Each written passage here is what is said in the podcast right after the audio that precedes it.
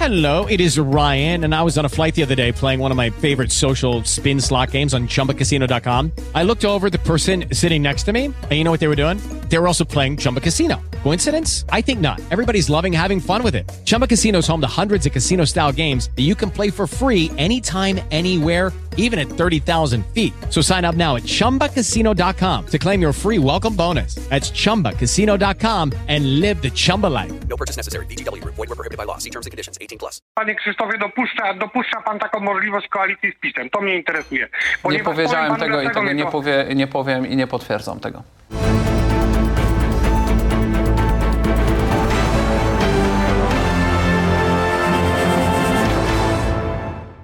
Witam serdecznie, Kamil Szewczyk, to jest Wieczorny Ekspres. Dzisiaj Państwa i moim gościem jest współprzewodniczący Konfederacji, e, lider Ruchu Narodowego Krzysztof Bosak.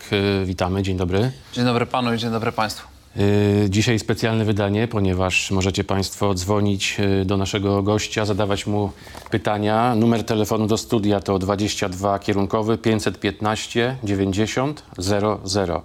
Czat oczywiście również do Waszej dyspozycji. Można komentować nasz dzisiejszy program i wypowiedzi e, pana posła e, Krzysztofa e, Bosaka. To może pierwsze pytanie ode mnie. To mogę najpierw komentarz. A mogę ja pierwsze pytanie? E, Prowadzę to, więc pozwoli pan, że zapytam. E, Pano, panie pośle, czy pan myśli, że przyszły rząd bez was nie powstanie? Jesteście trzecią siłą, w sondaże tak pokazują, no i to od was będzie zależał kształt i skuteczność przyszłego rządu. Czy to PiS, czy to PO? Nie śmiałbym prognozować. To wyborcy zdecydują. I mamy dwa i pół miesiąca e, do wyborów, z czego jeszcze miesiąc tak zwanej prekampanii i półtora miesiąca właściwej kampanii. Moim zdaniem polityk, który na obecnym etapie mówi, co się wydarzy, jest zwyczajnie niepoważny. E, Bo to by znaczyło, że uważa taki polityk, że cała kampania wyborcza nie ma znaczenia i że już jest przesądzone, kto wybory wygra, jaka będzie proporcja i jaka będzie strategia negocjacyjna tych, którzy wybory wygrają. Tu się bardzo dużo może zdarzyć. E, Sam fakt, e, że Konfederacja Na początku roku niektórzy wątpili, czy my będziemy w następnym Sejmie, a w tej chwili ma kilkunastoprocentowe poparcie. To jest wielka niespodzianka i to pokazuje, jak wiele się jeszcze może zmienić. To zaledwie kilka miesięcy, a sytuacja może jeszcze przyspieszać, bo przez te dwa i pół miesiąca może się wydarzyć jeszcze więcej niż od lutego, kiedy organizowaliśmy konwencję naszą pierwszą wtedy pod hasłem Oddamy Wam Polskę. Sławomir Mencen, którego gościłem tutaj tydzień temu, y, był w studiu, mówił, że nie wyklucza koalicji z PiS. Y, Oczywiście stawiając warunek, że jeśli PiS poprze, czy Platforma, kwestie programowe, punkty programowe. Pan zgadza się z, z Mencenem? z Ja panem żadnych Mencenem? takich komentarzy nie będę udzielał, bo one są natychmiast wykorzystywane przez naszych przeciwników. W Polsce nie ma uczciwej debaty politycznej na takie e, tematy. W Polsce jest wyrywanie z kontekstu. Byłem e, w jednej z redakcji konkurencyjnych. Udzieliłem obszernego wyjaśnienia, dlaczego nie złożę pewnych deklaracji i w jaki sposób to by po, pogarszało naszą strategię negocjacyjną, tłumacząc, że naszym zadaniem jako liderów Konfederacji jest dobrze reprezentować naszych wyborców i poprawiać naszą sytuację negocjacyjną. Jedyne, co oni z tego wyrwali, to nazwę jednej z konkurencyjnych partii. Więc ja już nie chcę w ogóle tych rzeczy komentować. Mogę mówić o naszym programie, o naszych zamiarach, natomiast e, taktyka działań e, po wyborach będzie po wyborach. Jak będą wyniki? Proszę powiedzieć teraz, co pan chciał powiedzieć na początku programu. Chciałem to... powiedzieć, że kiedy pan redaktor mówił ten stacjonarny numer, że czekamy na telefon e, słuchaczy, to poczułem e, takie e, déjà vu e, z dawnych czasów, bo obecnie już w programach prawie nie ma nigdzie tej formuły. No a tak, to a jest- kiedyś to się tak często słyszało. To prawda, to prawda. Yy, mamy nadzieję, że nasi widzowie y, będą zaraz do nas dzwonić. Yy, kolejne pytanie ode mnie, panie pośle. Mm, Czy nie obawia się pan, że Sławomir Mencen, no, który urósł w siłę, ja wiem, że jesteście we dwóch liderami Konfederacji, czy pan się, pan się tego- Współprzewodniczącymi. współprzewodniczącymi, tak. Czy pan się tego nie obawia, że Mencen może, e, mówiąc nieładnie, zawłaszczyć Konfederację po wyborach i y, zostać samo no, graczem, który będzie jedynym liderem Konfederacji? Struktura statutowa Konfederacji y, nie za bardzo temu sprzyja, dlatego że struktura statutowa Konfederacji ustanawia na czele partii Radę Liderów, która jest ciałem kolegialnym i podejmuje decyzje e, większością kwalifikowaną głosów. E, Więc e, my musimy być w konsensusie. Ja myślę, że to jest też do, dobra nauka polityki e, w tym sensie, że my musimy ucierać kompromisy w różnych konkretnych sprawach. Ja myślę, że to jest dobre. To znaczy Konfederacja, wiele osób tego próbowało nie dostrzegać przez ostatnie kilka lat, ale Konfederacja jest formacją wielonurtową, jest formacją ludzi umiarkowanych, którzy mimo różnic w poglądach potrafią ze sobą się dogadywać, e, zawierać kompromisy, przedstawiać umiarkowane projekty ustaw e, i która przede wszystkim potrafi odczytywać potrzeby wyborców, a nie potrzeby mediów. E, Przez to w niektórych mediach nas nie ma, na przykład w dwóch największych telewizjach, które mają najbardziej wyraziste programy m, e, czy przynajmniej sprzyja, sprzyjania niektórym partiom. Natomiast e, mam nadzieję, że się to po wyborach nie zmieni. To znaczy, że dalej będziemy pracować na zasadach kompromisu. Powiedziałbym nawet, że wierzę w to. E, Czyli natomiast- tamten Bosak-Mencen będzie dalej rządził Konfederacją. Rządzi Rada Liderów. E, Tandem Bosak-Mencen reprezentuje, e, reprezentuje wszystkich, którzy działają w Konfederacji e, na mocy decyzji z lutego. Mamy pierwszy telefon, pan Jan z Warszawy, witamy. Halo, halo? Y, Halo? Słychać pana. Proszę mówić, panie Janie. Dobra. y, y, Ja jestem wyborcą Konfederacji. Dzwonię z pytaniem do pana Bosaka. Mianowicie oglądałem waszą konwencję niedawno. Pan mówił w ogóle o y, wyciąganiu rzeczy z kontekstu. To myślę, że chyba nie ma większej ofiary wyciągania wypowiedzi z kontekstu niż Grzegorz Braun. I jako wasz wyborca bardzo mnie zaniepokoiło po pierwsze przemówienie pana Brauna, w którym mówił w sumie troszkę o możliwym rozpadzie w Konfederacji, raczej bardziej ostrzegał przed taką możliwością. E, No i po drugie, no bardzo taka zastanawiająca była wasza reakcja, zwłaszcza biorąc pod uwagę pańską dość wylewną reakcję na słowa pana Rusłana Stefańczuka w Sejmie. No pan przeglądał telefon po przemówieniu jednego z liderów Konfederacji, podczas gdy no pan, jak wszyscy wiemy, oklaskiwał na scho- stojąco pana Rusłana. No i pytanie jest takie, czy zdajecie sobie sprawę, jak y, duży macie elektorat ludzi od Grzegorza Brauna? I czy zdajecie sobie sprawę z tego, że usunięcie pana Grzegorza może nie służyć waszej antysystemowej sprawie? Tak, to jest moje pytanie. Dobrze, to pan przewodniczący Bosak odpowiada. Do której ja mam użyć kamery? Do lewej czy prawej?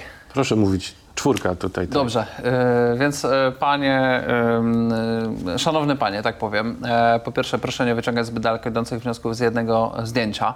To, że przez chwilę spojrzałem w telefon, to nie znaczy, że nie słuchałem uważnie przemówienia, które trwało kilkanaście minut. To, że pan może nieuważnie obserwował czy zdjęcia, czy nagranie z konwencji, szkoda, że w ogóle pan nie był z nami. Jeżeli jest pan naszym sympatykiem czy wyborcą, przecież mógł być pan tam również na sali, to by pan widział, że po przemówieniu Grzegorza Brauna również stałem z całą salą, biłem brawo. Uważam, że padło bardzo wiele e, mocnych rzeczy, e, z którymi się zgadzam.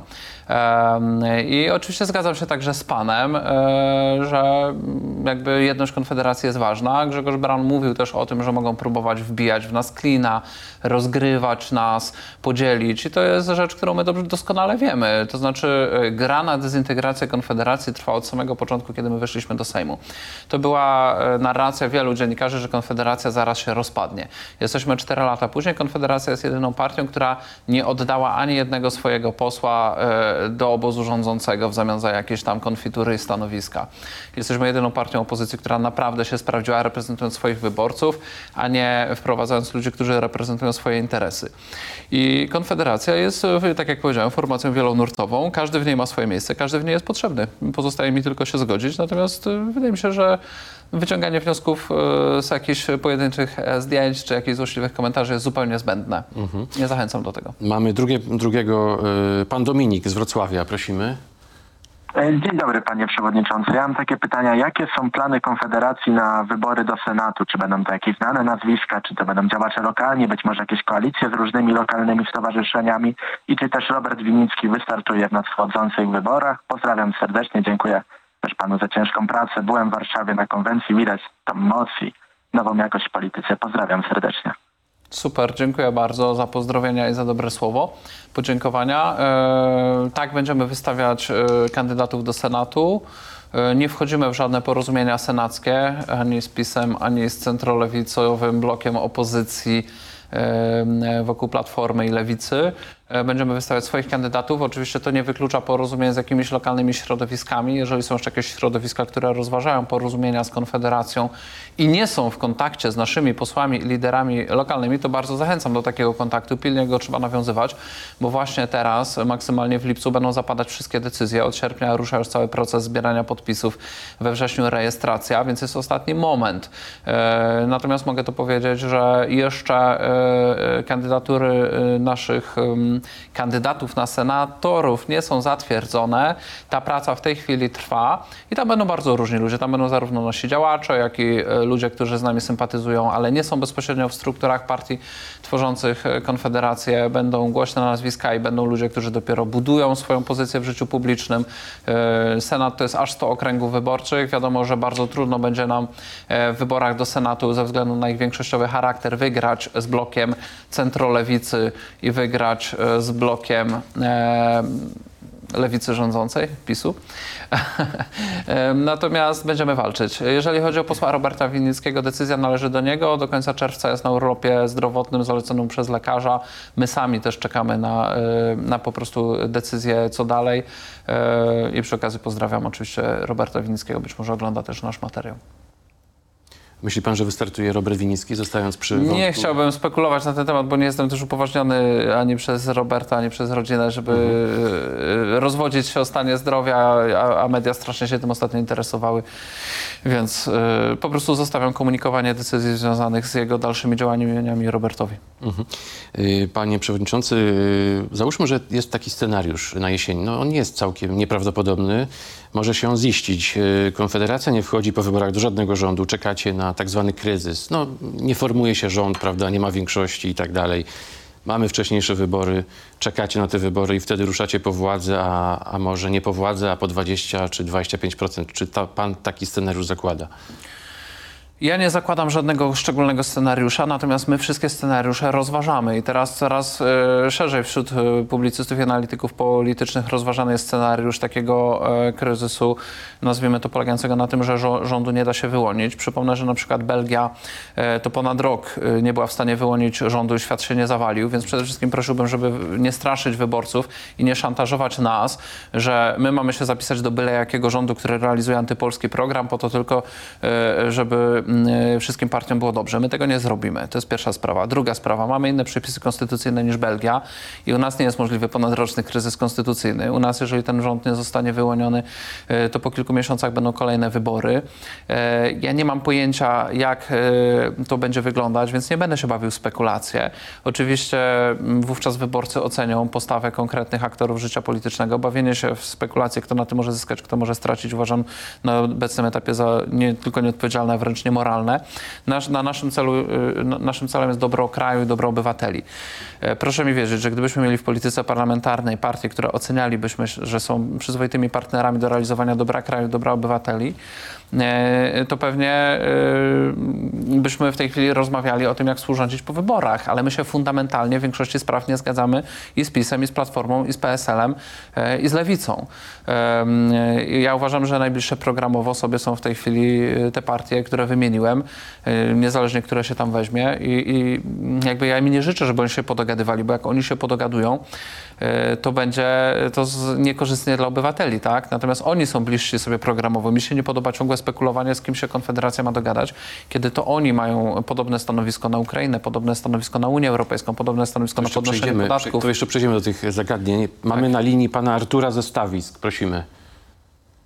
E, Halo, dzień dobry panie redaktorze, dzień dobry panie Krzysztofie. Dzień dobry. Witamy, dzień dobry. No, w pewnej części odpowiedział pan na pierwsze moje pytanie, bo e, brzmiało ono tak. Chciałem pana zapytać, czy e, jako partia honorowa Konfederacja wydaje mi się, że jest partią honorową. Dodam jeszcze, że jestem, e, jestem e, byłem za Platformą Obywatelską, teraz już nie jestem poprzez socjal, to co robią. E, czy pan jako człowiek honoru może obiecać, obiecać normalnie, po ludzku, nie, nie deklaracje polityczne, nie to mnie interesuje, że nie wejdziecie e, w koalicję ani z Platformą, ani z PiSem, że będziecie dążyć do samodzielnego objęcia rządu. To jest pierwsze moje pytanie. E, polityka e, parlamentarna em, nie polega na składaniu tego typu obietnic, e, więc ja ich nie składam.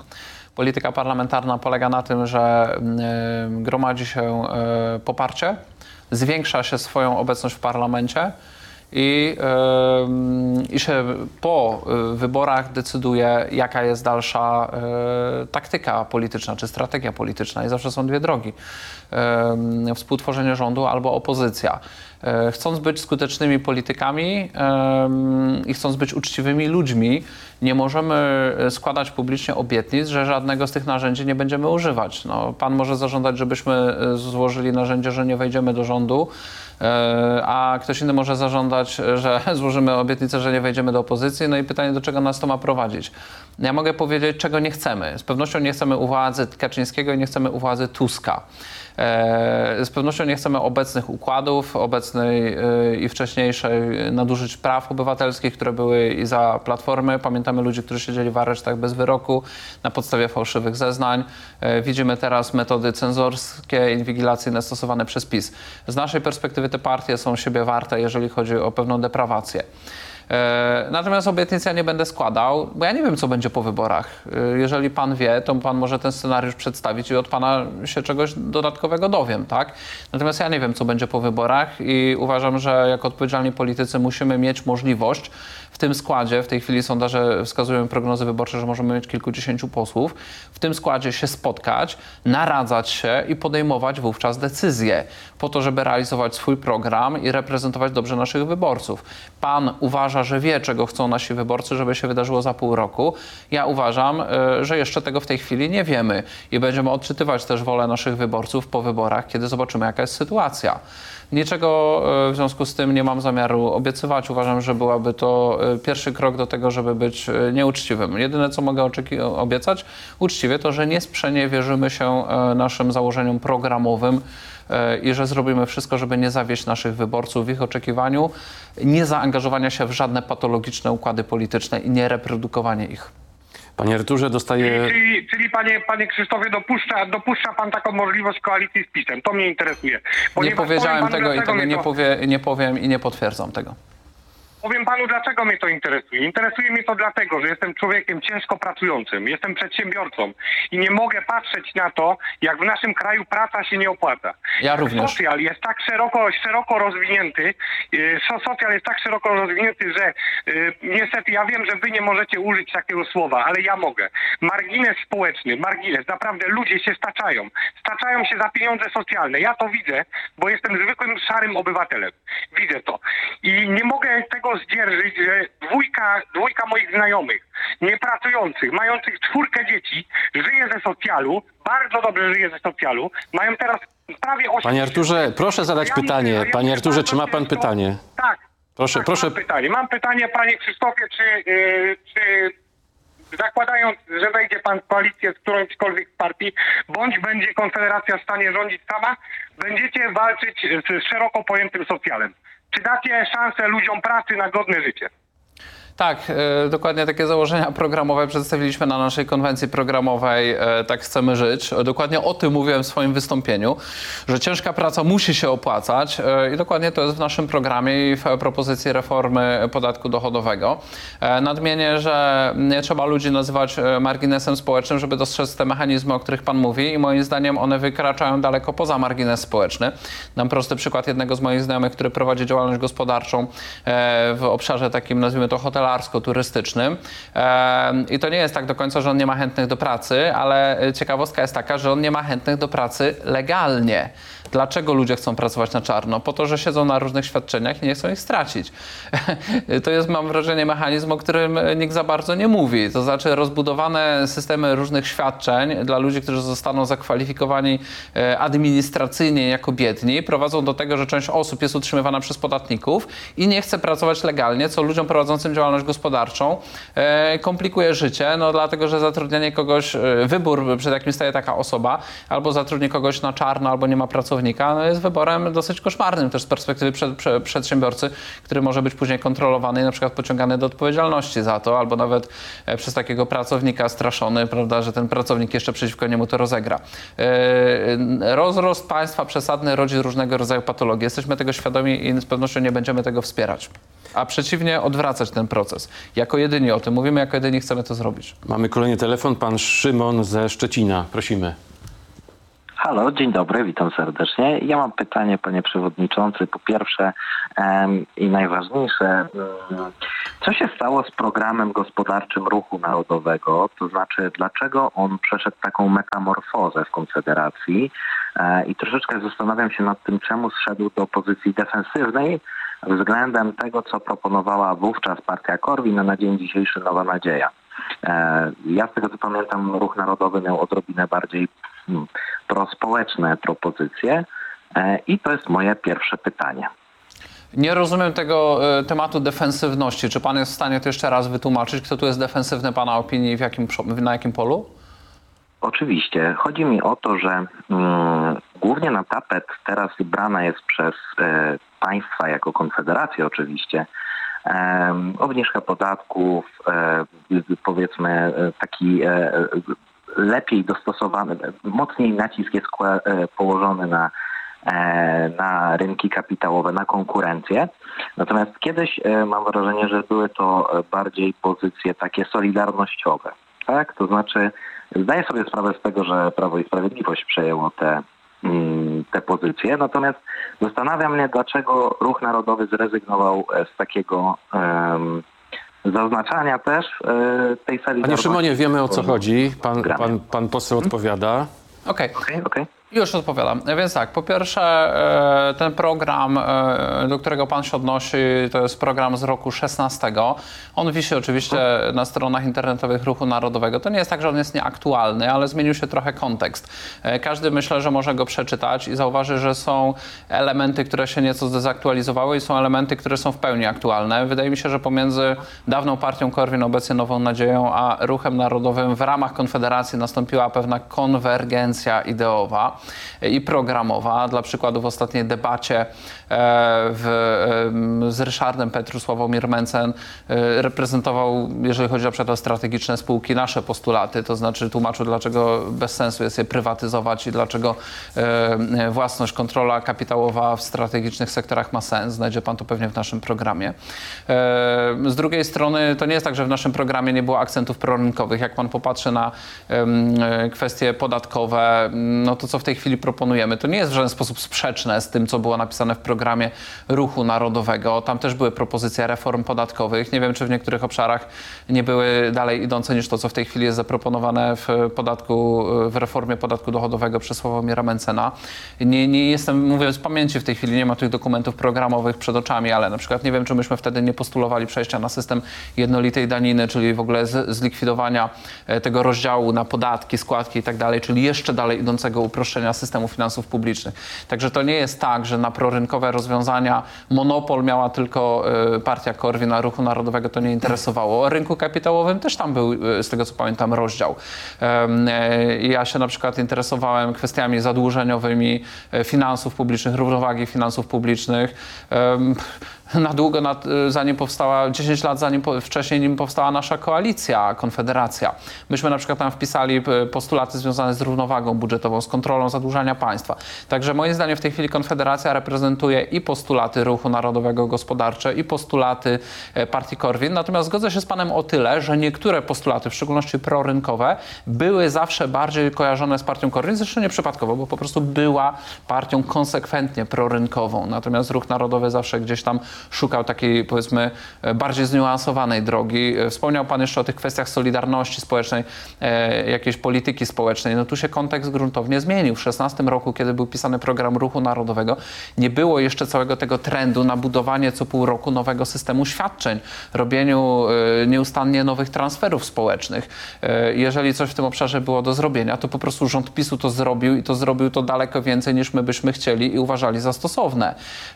W tamtym czasie uważaliśmy, proponowaliśmy, że może trzeba zbudować jakąś politykę prorodzinną. W tym momencie uważamy, że to, co proponuje PiS jest już nieodpowiedzialne, bo powiększa zadłużenie państwa i zaczyna psuć rynek pracy i wykraczać poza skalę. No myślę, że mamy prawo do oceny, y, że ta polityka społeczna powinna mieć jakąś swoją miarę i PiS po prostu Dobrze, prowadząc lewicową politykę przekroczył tą miarę. Także zmienił się kontekst i powstała koalicja, w której prezentujemy program wypośrodkowany. Panie Szymonie, dziękujemy za te pytania. Y, Panie pośle, jakbym prosił troszkę o krótsze odpowiedzi. Tak, przepraszam, ale to jest skomplikowane Jasne, zagadnienie. Bo, ponieważ wielu Jasne. widzów, słuchaczy Postaram chce się do nas krócej. dodzwonić. E, Pytanie ode mnie. Panie pośle, czy chce pan startować w wyborach prezydenckich za dwa lata?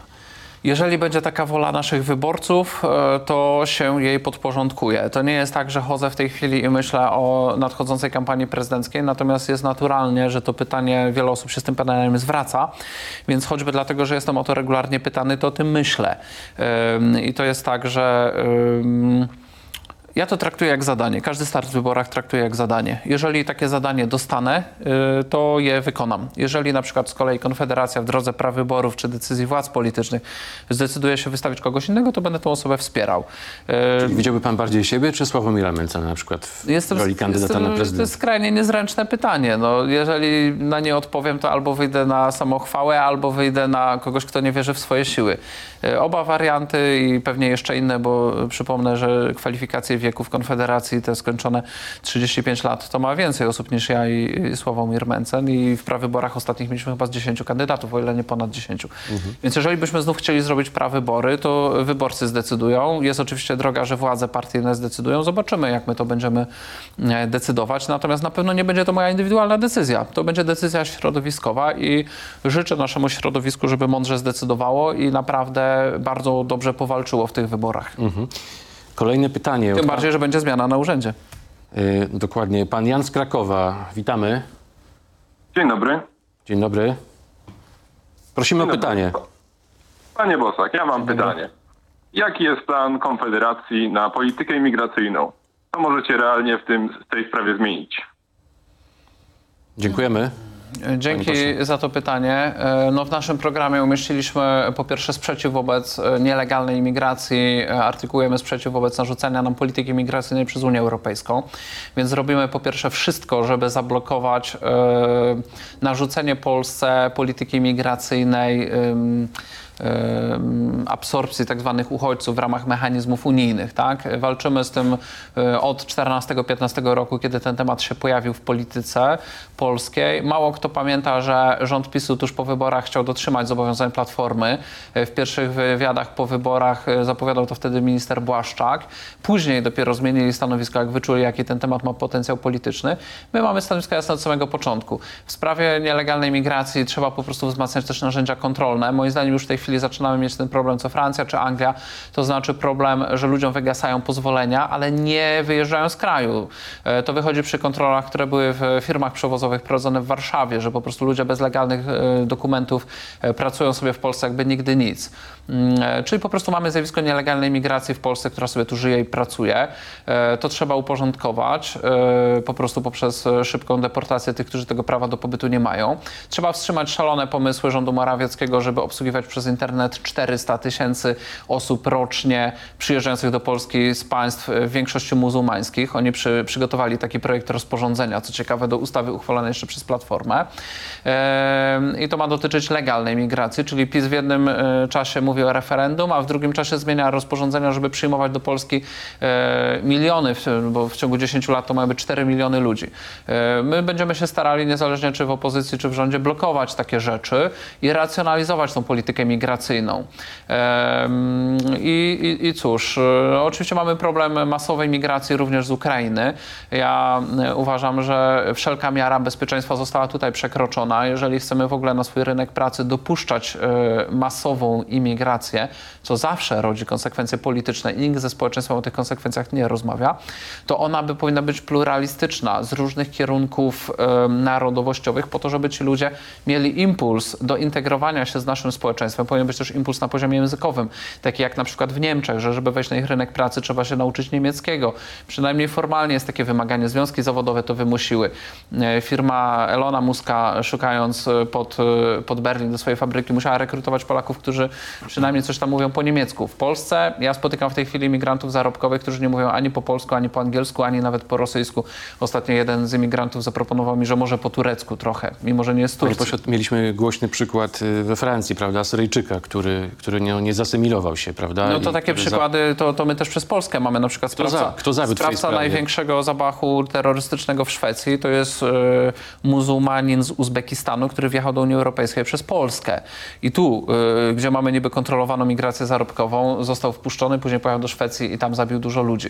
Więc e, mamy poważny problem i musimy w tej sprawie po prostu zacząć działać, tworząc procedury selekcji tych, którzy do Polski przyjeżdżają i tworząc też jakieś procedury tego, że my w ogóle od nich czegoś wymagamy. Na przykład, że jak siedzą tu dwa lata, to się nauczą języka polskiego, albo że na przykład będą wobec nich stosowane te same normy prawa pracowniczego, co wobec Polaków. A nie, że będziemy budować jakieś miasteczka kontenerowe dla przybyszów z Azji i robić konkurencję płacową dla polskich pracowników, e, którzy założyli rodzinę i na przykład chcieliby z tą rodziną gdzie mieszkać, gdzie indziej niż w kontenerze. No to jest naprawdę kuriozalne, co robi rząd PiSu i, i, i co chce robić później rząd Platformy i, i Lewicy, bo oni się po tym względzie nie różnią. Rząd PiSu realizuje strategię Tuska, strategię ogłoszoną przez Michała Boniego e, w czasach Platformy. Morawiecki, który był wówczas doradcą Tuska, w tej chwili to realizuje, co wtedy postanowili. Mamy kolejny telefon. Pan Krzysztof z Łodzi. Prosimy. E, Dzień dobry, tutaj, znaczy dobry wieczór. E, Ja tutaj mam takie pytanie troszeczkę odbiegające tutaj od e, konwencji. Chciałem spytać o takie jakby alternatywę dla tej, takiego jakby prawa, które tutaj też w Szwecji obowiązuje, między innymi tutaj w Skandynawii, odnośnie tego, że człowiek może tutaj jakby na łonie przyrody wypoczywać i jakby to prawo tutaj jest takie bardziej liberalne, czyli to rozbijanie namiotów w miejscach, jakich chce, żeby na przykład tak jak teraz nie, nie reguluje tego tak jak u nas prawo tutaj lasów państwowych, czy tutaj różnych takich, e, no takie mm, inne, jakby takie bardziej liberalne w e, tym kierunku. Więc no tutaj to to moje pytanie i powodzenia. Dziękuję bardzo. Dzięki.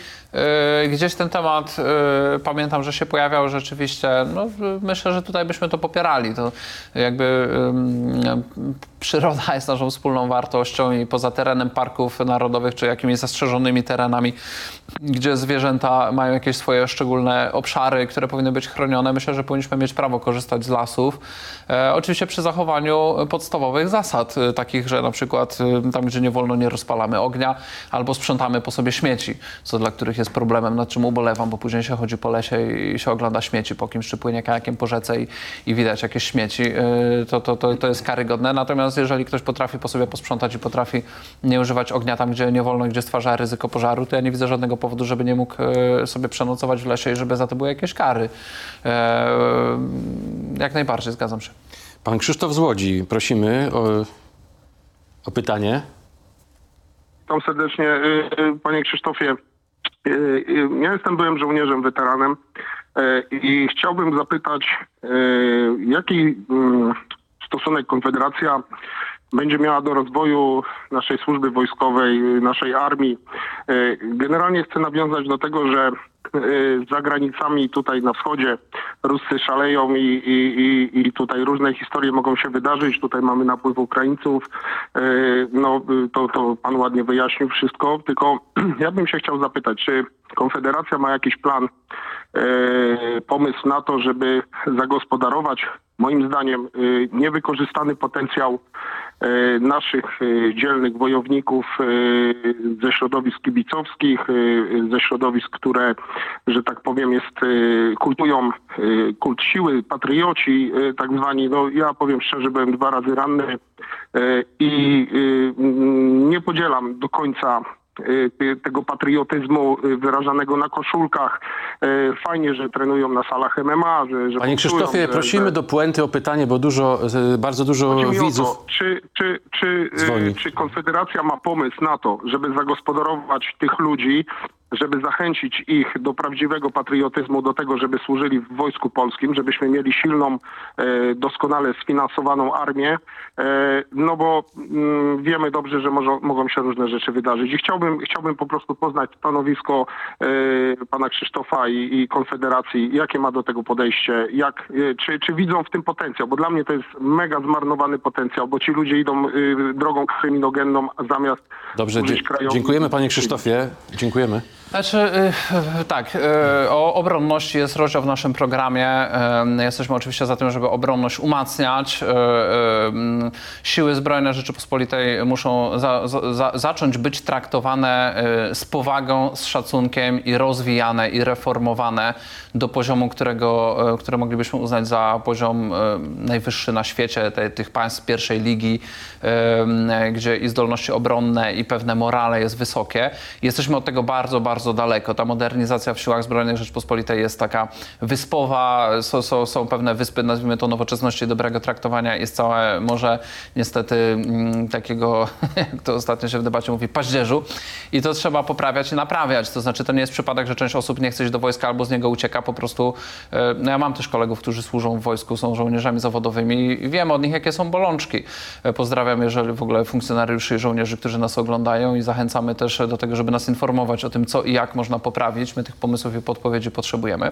Natomiast pańskie e, pytanie w gruncie rzeczy tak naprawdę wcale nie dotyczyło obronności. Pańskie pytanie dotyczyło bliżej niezidentyfikowanej grupy osób, z której pan jest niezadowolony. Pan użył tylko jednego określenia, które przybliża, jaką grupę nam chodzi, e, to znaczy e, określenia kibice. Ja bym przestrzegał przed tym, żeby nas jako partię polityczną zaprzęgać do tego, żebyśmy my zagospodarowywali jakąkolwiek grupę społeczną. My nie od tego jesteśmy. My jesteśmy od tego, żeby ustanawiać w państwie dobre prawa, mądrze gospodarować publicznymi pieniędzmi i doskonalić instytucje państwowe i strategię działania państwa. Natomiast różne grupy społeczne są od tego, żeby same wybierały ich, ich, ich, ich członkowie, co chcą ze swoim życiem zrobić. No, w środowisku kibicowskim są najróżniejsi ludzie, którzy na co dzień e, pracują we wszystkich zawodach, e, które jest pan w stanie wymyślić. I to, że e, pan kojarzy ich z jakimś konkretnym wizerunkiem czy zachowaniem, to jeszcze nie znaczy, że ci ludzie na przykład chcą się zapisać, nie wiem, zdać zrekrutować do wojska, czy nie wiem, e, czy jechać na jakąś wojnę, prawda? Moim, moim, moim zdaniem e, to jest pomylenie pewnego stylu bycia, czy czasem może jakiś Panie haseł. E, Także byłbym ostrożnie, przestrzegałbym przed postrzeganiem ludzi przez takie stereotypy i ostrzeganiem, oczekiwaniem od nas polityków, że my weźmiemy jakąś grupę społeczną i zmienimy jej pomysł na życie. Dobrze, kolejny telefon pan Jarosław z Płońska. Prosimy o krótkie pytania i krótkie odpowiedzi pana posła. Halo, dzień dobry panom. Witamy. Dzień dobry. Witam panów. Y, kłaniam się panu Krzysztofowi, y, podziwiam. Czołem rodacy, wszystkiego najlepszego. Ważne pytanie, proszę państwa, ważne pytanie. Jak będziecie postępować z ludźmi, którzy was zdradzą? Będziecie teraz, już będzie was kilkudziesięciu w Sejmie. Jeśli ich PiS podkupi, wie- zna pan problem prostytucji politycznej. Czy macie już plany, jak z nimi postępować i jak się przed tym zabezpieczyć? Dziękujemy. Proszę bardzo, dziękuję ślicznie. E, No, pytanie jest wbrew pozorom dosyć proste, więc myślę, że odpowiem krótko. E, W demokracji, e, która składa się z wolnych ludzi, obywateli, którzy angażują się w działania polityczne, nie ma innego sposobu niż po prostu em, ta, o takiej osobie e, zamknąć jej drogę do dalszego działania politycznego. Marzenia o tym, że się kogoś da jakoś prawnie, formalnie uzależnić, to, to, to, to, to, jest, to nie działa. E, Pomysł podpisywania jakichś weksli i tak dalej, to w polityce polskiej było testowane i później sądy to unieważniały. Tak naprawdę można tylko budować zaufanie w drodze wspólnej pracy, starać się dobrze selekcjonować kadry, ale i tak prędzej czy później raz na kilka lat się człowiek na kogoś natnie i wówczas po prostu takie osoby trzeba odfiltrowywać e, i nie dawać im szansy powrotu, e, w szczególności nie na ten szczebel, na którym zdradziły. A, a jak nie wykażą skruchy, to w ogóle. No są takie osoby, które na przykład w moim środowisku pracowały i później po wejściu do Sejmu to środowisko zdradziły. My ich po prostu już nigdzie więcej nie wystawimy e, jako kandydatów i w ten sposób odfiltrowujemy takich ludzi nielojalnych. Natomiast marzenia o jakiejś zemście i tak dalej, no jeżeli ktoś tam czytał czy oglądał Ojca Chrzestnego, no jednak polityka to nie są działania e, mafijne. E, myślę, że utrata autorytetu, dobrego imienia i szansy na dalsze działanie w danym środowisku środowisku, a często też kontaktów towarzyskich po prostu e, i mm, jest, e, jest należytą karą. E, Może niewystarczającą, ale prawo nam na nic więcej nie pozwala i może to dobrze, bo, bo dzięki temu mamy pokój społeczny i wszyscy się w, w społeczeństwie czujemy bezpiecznie. Dziękuję Szanowni Państwo. Numer telefonu do studia tylko przypomnę 22 kierunkowy i dalej 515 9000. Yy, dzwońcie do pana yy, przewodniczącego Bosaka. Ja mam pytanie, czy Konfederacja ma już ułożone listy na wybory? Jeszcze nie. A pan z Białego Stoku słyszałem, że będzie startował, tak? Są przymiarki w tej chwili i jeszcze nie odsłaniamy czołówek naszych list. E, Myślę, że na dniach to zrobimy i na dniach zaprezentujemy e, co najmniej właśnie pierwsze miejsca czy, czy pierwsze trójki. E, Natomiast myślę, że też przez lipiec cały będą trwały prace nad ułożeniem, bo to jest w niektórych wypadkach po kilkadziesiąt osób. Musi być spełniony parytet, jest, są trzy, trzy nasze wewnętrzne partie, są zewnętrzne środowiska, z których zapraszamy ludzi do kandydowania. To jest cała złożona mozaika i ja nie chcę wyprzedzać wydarzeń, natomiast na pewno to się wszystko będzie w najbliższych dniach odkrywać. Jasne, panie pośle. Według najnowszego badania dla Rzeczpospolitej yy, no, wynika z niego, że popiera was bardzo dużo młodych mężczyzn i wskazuje jako trzecią siłę. Yy, No, yy, kosztem trzeciej drogi, prawda, i Kosi- Kosiniaka Kamysza i Szymona Chłowni. Czy to może oznaczać, że Konfederacja dla kobiet jest zbyt radykalna? Yy, Czy to lewica nie ma po prostu tym młodym mężczyznom nic do zaoferowania? Jak pan to widzi? Wśród młodych kobiet popiera nas więcej kobiet niż lewice, e, więc to nie jest e, do końca w ten sposób. E, Natomiast faktycznie mam tutaj również wy, wy, wypisane badanie, z którego wynika, że 40% mężczyzn w wieku 18-39 lat popiera Konfederację. No jest to absolutnie rekordowy wynik. E, Nie wiem, co mogę powiedzieć. Dziękuję za to zaufanie w imieniu wszystkich nas, którzy działamy w Konfederacji. Chyba nikt z nas nie marzył, że, e, że to może w ten sposób wyglądać przy tak założonej na nas cenzurze medialnej w tych dużych mediach. E, Dziękuję tutaj za zaproszenia. Nie pierwszy raz jestem w studiu, natomiast mówię o wielkich telewizjach, największych gazetach, które po prostu... No, my też jesteśmy dużym medium, prawda, i dużą gazetą. tak, tak, ale mam na myśli telewizję przede wszystkim, tak? I one nie relacjonują tego, co my robimy. Po prostu. Skupiają się tylko na PiSie, Platformie, czasem na Lewicy, Szymonie Hołowni. Okej, zostawmy to. Jeżeli chodzi o kobiety, ja myślę, że jest jakaś różnica i poglądów, i wrażliwości pomiędzy kobietami i mężczyznami. Stąd ta dysproporcja. My myślę, że bardziej przemawiamy czasem do logiki, do racjonalnego myślenia. Bardziej atakujemy też na poziomie e, niespójności logicznej naszych e, przeciwników. Natomiast e, inne siły polityczne czasem bardziej apelują, nie wiem, do empatii, do uczuć.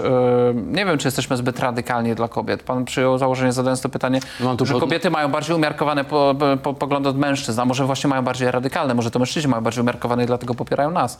Yy, dzwoni do nas pan, pan, pan Paweł z Warszawy. Prosimy. E, Dzień dobry, Panie Krzysztofie. Mam takie pytanie w kontekście motta, e, takiego można powiedzieć motta Konfederacji, że każdy jest kowalem swojego losu.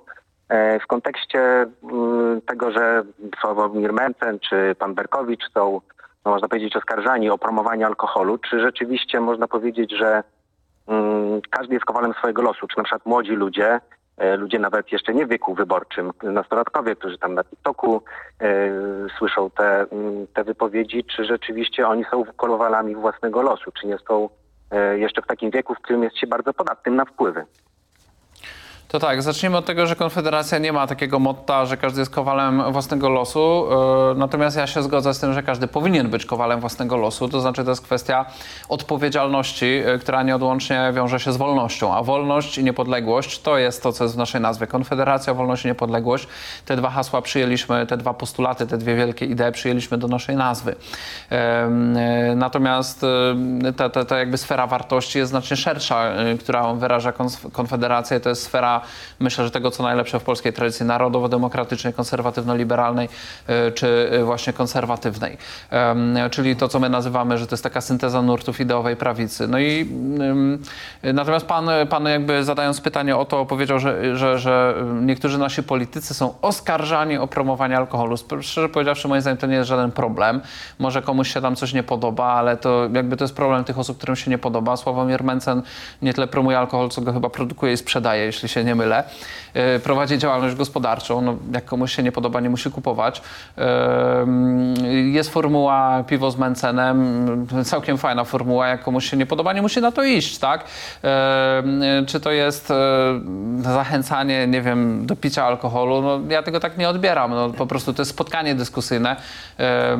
Nie wiem, jak, to, jak ktoś to w ten sposób odbiera, to, to można powiedzieć, że zachęcamy do picia z umiarem, tak? Do, do korzystania z... Mamy kolejny, mamy kolejny telefon, pan Marek z Chicago. Prosimy. Dzień dobry, dzień dobry panie Dobry. Krzysztofie.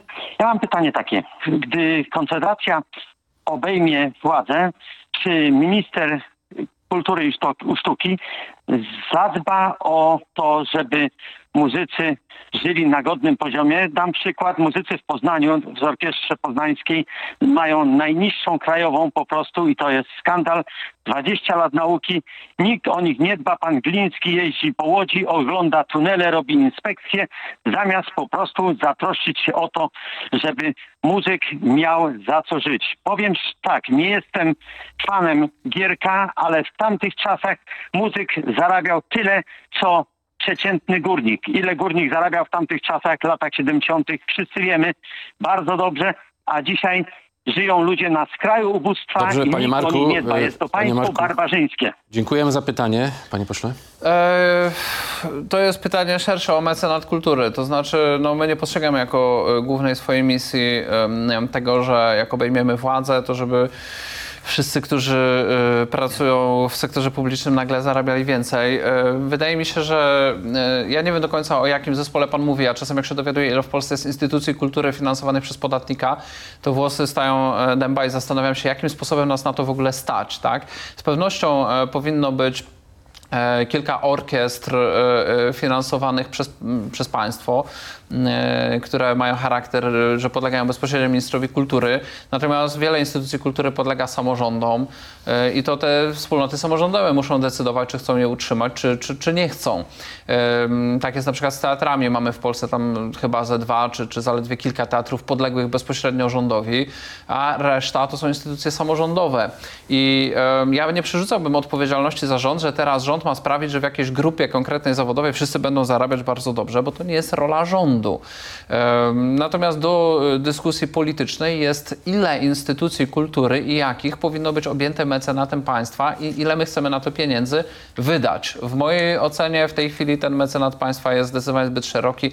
Wiele instytucji kultury często jest w ogóle przesączone ideologią lewicową. Ja właściwie kompletnie nie, nie mówię o, o orkiestrach, bo jak ktoś gra y, w, w orkiestrze nie mam nic przeciwko temu, natomiast jak się weźmie na przykład za teatry i podrapie głębiej i zobaczy, co podatnik finansuje, to włosy stają dęba na głowie. Tak samo jak się weźmie różne galerie, muzea budowane w centrum Warszawy, w tej chwili muzykę, Muzeum Sztuki Nowoczesnej za, za horrendalne pieniądze, nie wiem, pół miliarda złotych albo więcej, y, robiące wykłady o marksizmie. To jest jakiś absurd, to jest jakiś absurd I, i my musimy patrzeć na to w tym szerszym kontekście.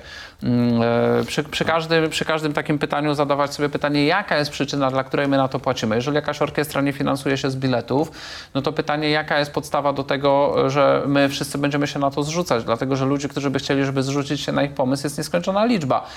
Każdy obywatel może uznać, że ma jakiś dobry pomysł i po- podatnik powinien za to zapłacić. Panie pośle, to mm, ja mam pytanie takie. Krzysztof Śmiszek zamieścił ostatnio taki wpis oto na, na Twitterze o kobietach głosujących na Konfederację. Cytuję, z całym szacunkiem, ale kobiety popierające Konfederację to jakiś kolejny odlot. Albo głupota, albo zaczadzenie.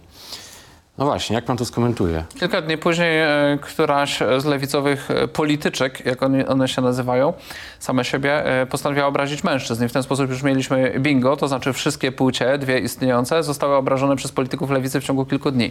Życzę lewicy, żeby trzymała się dalej tej strategii, obrażała wyborców jak najczęściej, jak najwięcej. W ten sposób jak najwięcej ich od siebie odstraszy. No a Będziecie zyskiwać wtedy. Konfederacja wówczas będzie iść do przodu sondażowo, tak jak dotychczas. No myślę, że pewne oderwanie od rzeczywistości, rzeczywistych nastrojów społecznych. Sylwia Spurek dopiero co zachęcała, e, żeby na spotkaniach lewicy w ogóle nie podawać mięsa, bo jej zdaniem to jest coś, co pociągnie wyborców, że będą tam, prawda, jeść jakieś glony. Życzę lewicy po, powodzenia z jej oderwanymi od życia A i oczekiwań widziałby ludzi pan- a- pomysłami. Panie pośle, widziałby pan w roli przywódczyni Konfederacji właśnie kobietę, czy, czy dominacja mężczyzn? Nie, nie, nie mam z tym problemu. Chciałbym nawet może, żebyśmy mieli więcej kobiet o przywódczym temperamencie. Em, historia Ale w roli, polityczna... w roli lidera Konfederacji, tak? Czyli Dlaczego nie?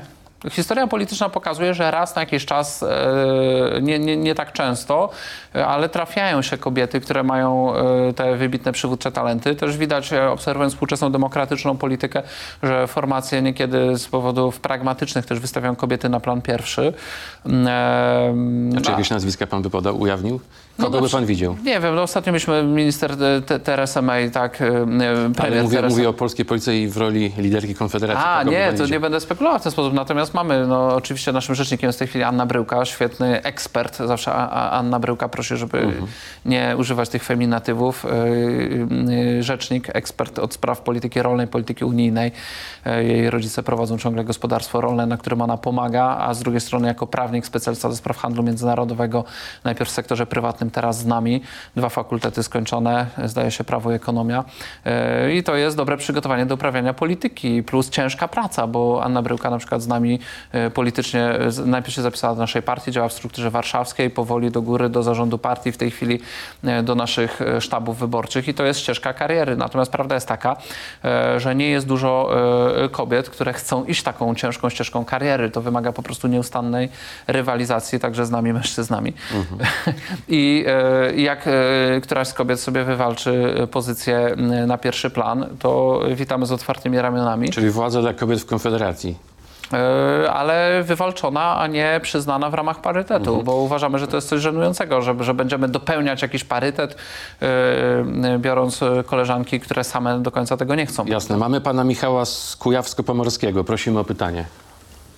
E, Dzień dobry panom. E, Ja Dzień dobry. mam dwa pytania w zasadzie.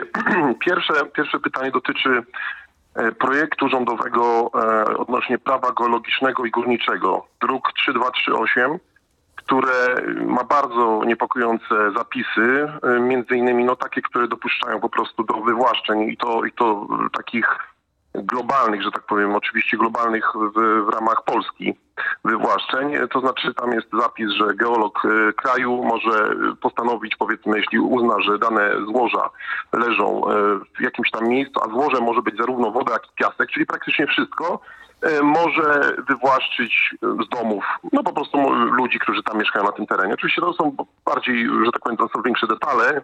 Ja wszystkich w tej chwili nie będę przytaczał, natomiast są to bardzo niepokojące zapisy i chciałem zapytać, kiedy Konfederacja zacznie o tym mówić głośno.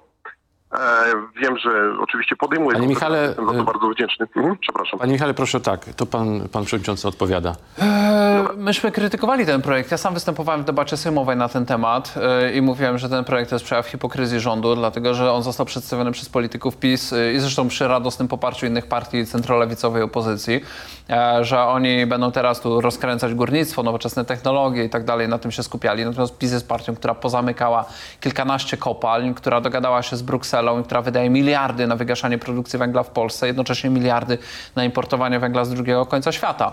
Więc e, ten projekt e, trudno w ogóle odgadnąć, jakie ma uzasadnienie. Być może rzeczywiście m, to jest w ogóle bardzo długi projekt, w którym jest bardzo dużo rzeczy, bo on to, e, tam jakby wprowadza instytucje złóż strategicznych, tworzy jakiś rejestr.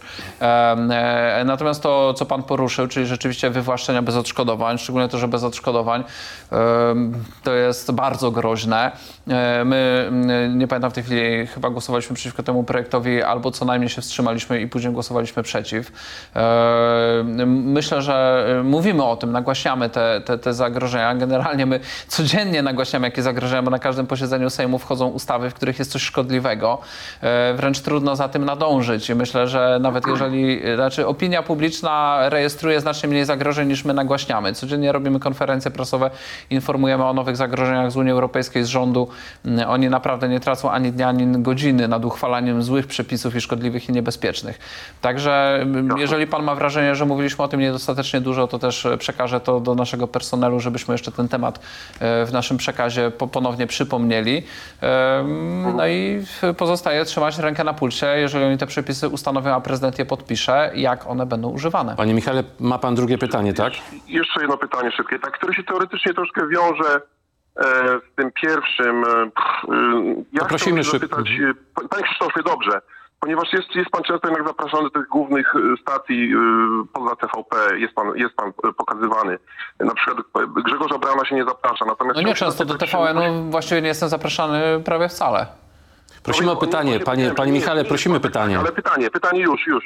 Proszę, czy, czy nie niepokoi pana, y, co pan sądzi o, że tak powiem, raporcie na temat y, kontaktów pana Morawieckiego z, y, ze Stazji, y, no i jego dziwnych, dziwnych relacji z y, Klausem Schwabem, Agendą 2030, bo pan się zastanawiał, skąd są te dziwne ustawy. No moim zdaniem one się wiąż, wiążą, to jest moje przypuszczenie, z y, realizowaniem Agenda 2030, o której chyba się troszeczkę niedostatecznie mówi na, w, polskiej, że tak powiem, przestrzeni publicznej.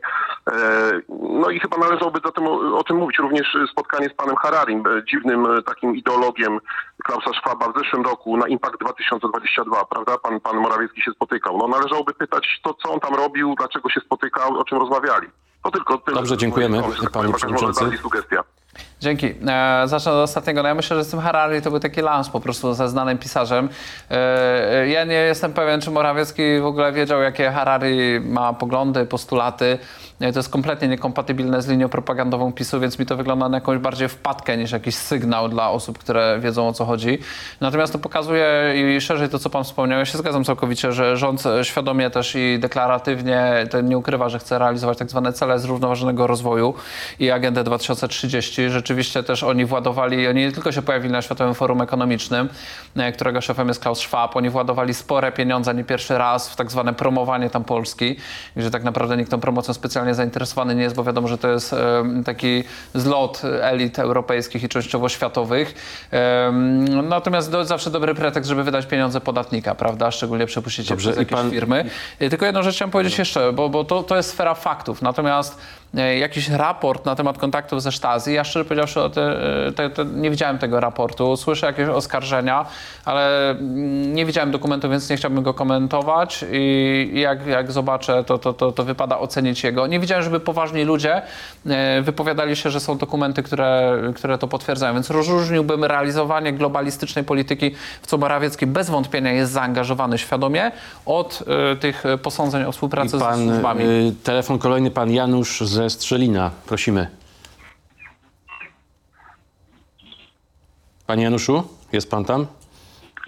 Halo? Tak, prosimy o pytanie do pana przewodniczącego. Tak, już jestem na linii. Halo? Tak, jest pan. Proszę, proszę, proszę o pytanie. Witam. Panie Krzysztofie, ja mam konkretne pytanie.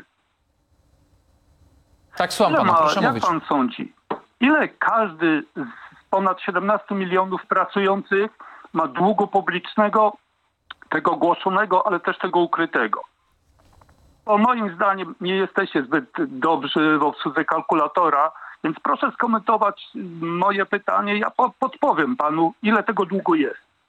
Ponad 400 tysięcy złotych na dzień dobry na każdego zatrudnionego. A więc to, co chcecie zrobić, niestety nie trzyma się żadnej kupy i matematyki. Dobrze, dziękujemy. Pan, pan, pan Bosak komentuje krótko.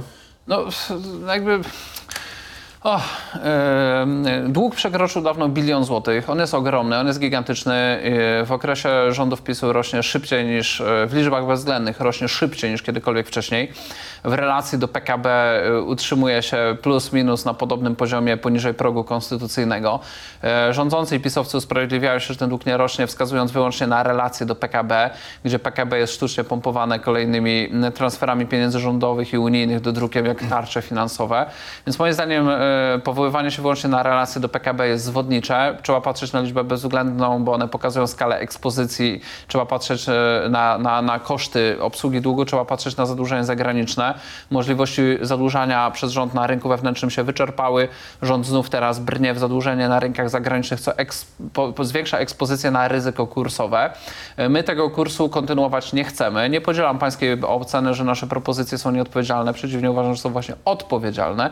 My byśmy e, tak nie robili i krytykujemy rząd PiSu za to, co on robi i za to, co robiła wcześniej rząd Platformy, też zadłużała Polskę.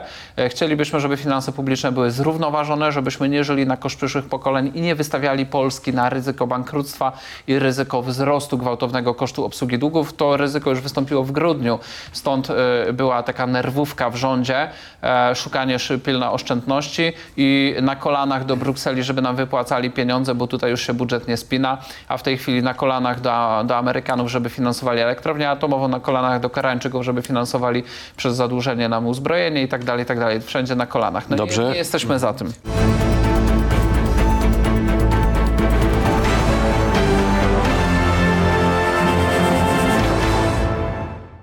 Hello, it is Ryan, and we could all use an extra bright spot in our day, couldn't we? Just to make up for things like sitting in traffic, doing the dishes, counting your steps, you know, all the mundane stuff. That is why I'm such a big fan of Chumba Casino. Chumba Casino has all your favorite social casino style games that you can play for free anytime, anywhere with daily bonuses. That should brighten your day a little.